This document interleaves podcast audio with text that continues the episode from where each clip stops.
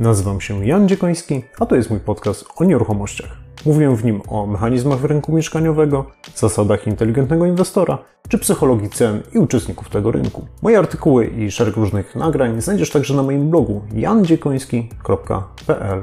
Jeżeli jesteś profesjonalistą i żyjesz z rynku nieruchomości, to zapraszam Ciebie także na mój serwis analityczny fltr.pl, gdzie razem z zespołem dzielimy się analizami i doradztwem dla uczestników naszego rynku.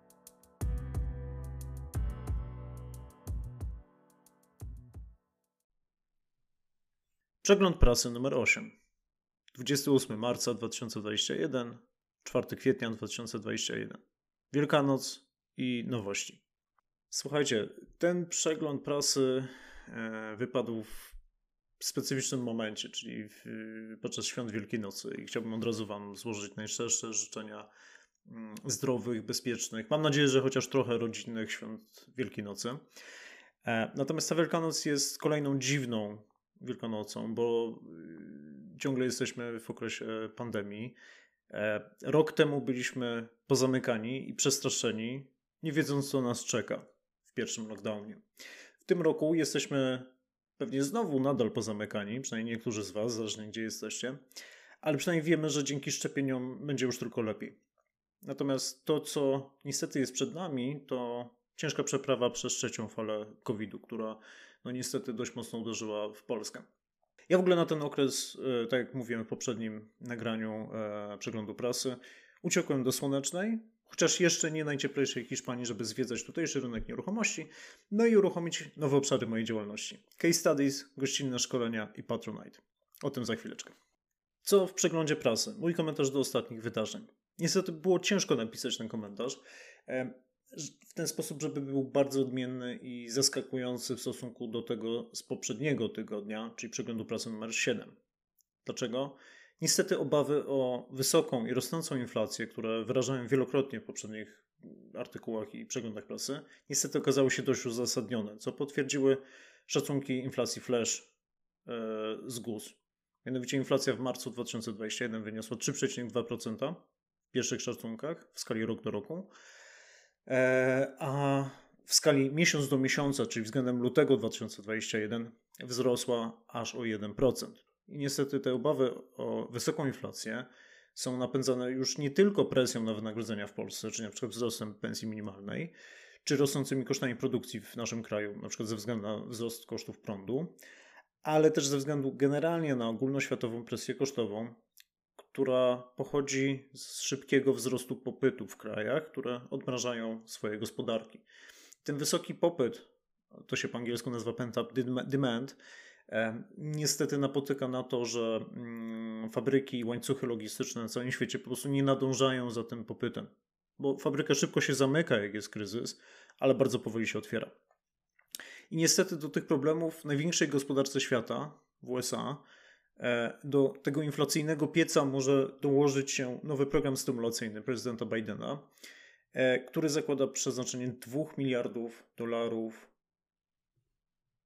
który zakłada przeznaczenie 2 bilionów dolarów na inwestycje w infrastrukturę, które przede wszystkim będą zwiększały m.in.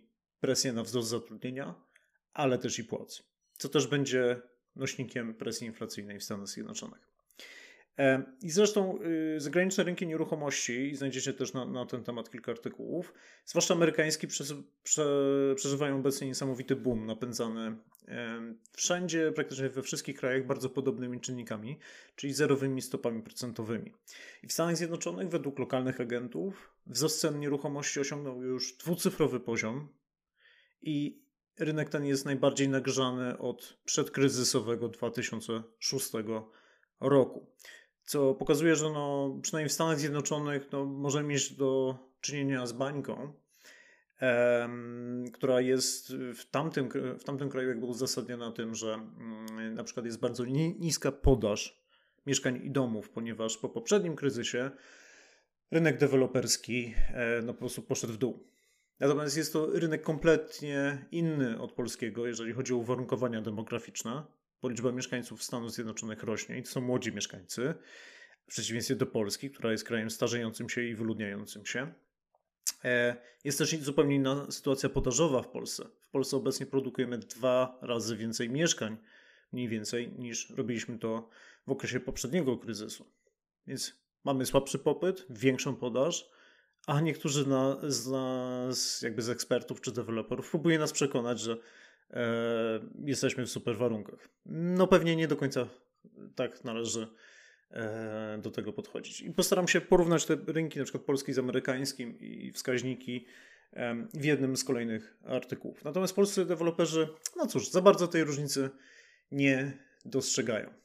I co ciekawe, akurat tam, gdzie jestem w Hiszpanii, czyli na Costa Blanca, akurat obserwuję odwrotną sytuację, bo tutaj ceny nieruchomości podobno, jak słyszałem od lokalnych pośredników, raczej zaczynają spadać, a ilość tablic se czyli sprzedam, raczej to potwierdza.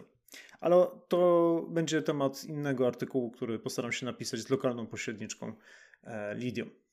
I zresztą polski rynek nieruchomości dość mocno się rozwarstwił i pewnie ta sytuacja tutaj w Hiszpanii też troszeczkę jest wynikiem e, pewnego rodzaju rozwarstwienia. I takie rozwarstwienie to, to nie jest tylko specyfika polskiego rynku nieruchomości. Ma teraz miejsce tak, takie rozwarstwienie na przykład na rynkach e, giełdowych na świecie, gdzie w tej chwili trwa pewien taki odwrót od spółek technologicznych i powrót do e, typowych e, spółek inwestycyjnych sektora value. Natomiast na tle te, tego wszystkiego, no niestety jesteśmy na początku fali, e, wzbierającej fali żniwa śmiertelnego wirusa Polsce. Ostatni tydzień zabierał średnio e, życie około 500 osobom i to tylko jakby z powodu koronawirusa, więc to już nie obejmuje osób, które po prostu ze względu na kryzys służby zdrowia też umierają. Czyli w ostatnim miesiącu odnotowano 10 tysięcy zgonów. Przesunęło nas to na 11 miejsce na świecie wśród krajów o największej liczbie zachorowań i 14 miejsce w liczbie zgonów. Jest to tak duży kryzys, że wpływa on już na przykład na poziom prognozowanych emerytów z ZUS-u.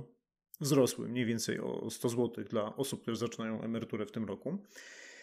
Natomiast jeszcze chyba nikt się dobrze nie zastanowił, co to będzie oznaczało dla polskiej gospodarki i rynku nieruchomości.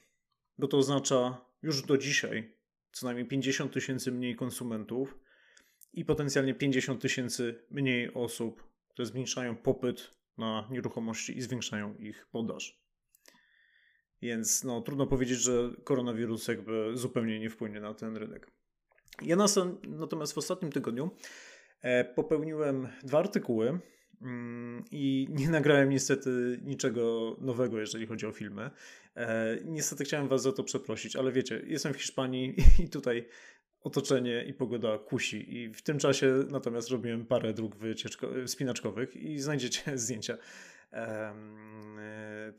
z kilku miejsc właśnie w Hiszpanii z, na moim blogu w tym artykule. Natomiast napisałem właśnie dwa artykuły i w jednym z nich opowiedziałem czym jest i czym się je PropTech, czyli startupy yy, wykorzystujące technologię do konkurowania w sektorze właśnie nieruchomości. I yy, napisałem też jeden artykuł, tak zwany case study, w odpowiedzi na maila, którego dostałem od czytelnika o imieniu H, no nie chciał się przedstawić, na temat tego, czy warto, a jeżeli tak, to w jaki sposób z wynajmu przejść na flipowanie. I to jest jeden, jedna z nowości, to znaczy cykl po prostu case studies, w których staram się pomagać Wam wszystkim e, w, no, rozstrzyganiu takich strategicznych jakby problemów.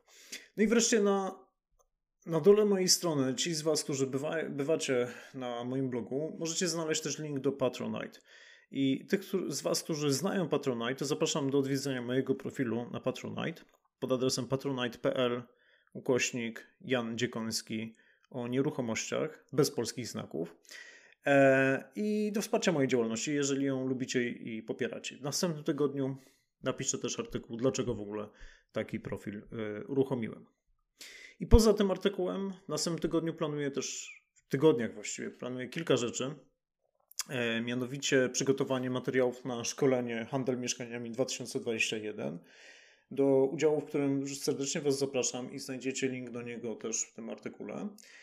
E, planuję też zacząć przygotowania e, do napisania trzeciej części artykułu z cyklu Trendy cenowe. Chcę poprawić też jakość moich nagrań na Spotify, więc będę robił tak zwany post-processing wszystkich nagrań. E, no i planuję też e, szereg innych artykułów. Porównanie właśnie polskiego rynku nieruchomości z amerykańskim, czy artykuł o tym, jak dopasować waszą strategię inwestycyjną, czyli wasze jak i co, do waszych celów inwestycyjnych, czyli dlaczego. I planuję też napisać co nieco właśnie o tym rynku nieruchomości na Costa Blance oraz artykuł o tym, kiedy wynajmować, a kiedy kupować nieruchomość dla siebie, bo sam obecnie stoję trochę przed taką e, decyzją. Wam jednocześnie życzę zdrowych i spokojnych świąt, smacznego jajeczka i mokrego dęgusa.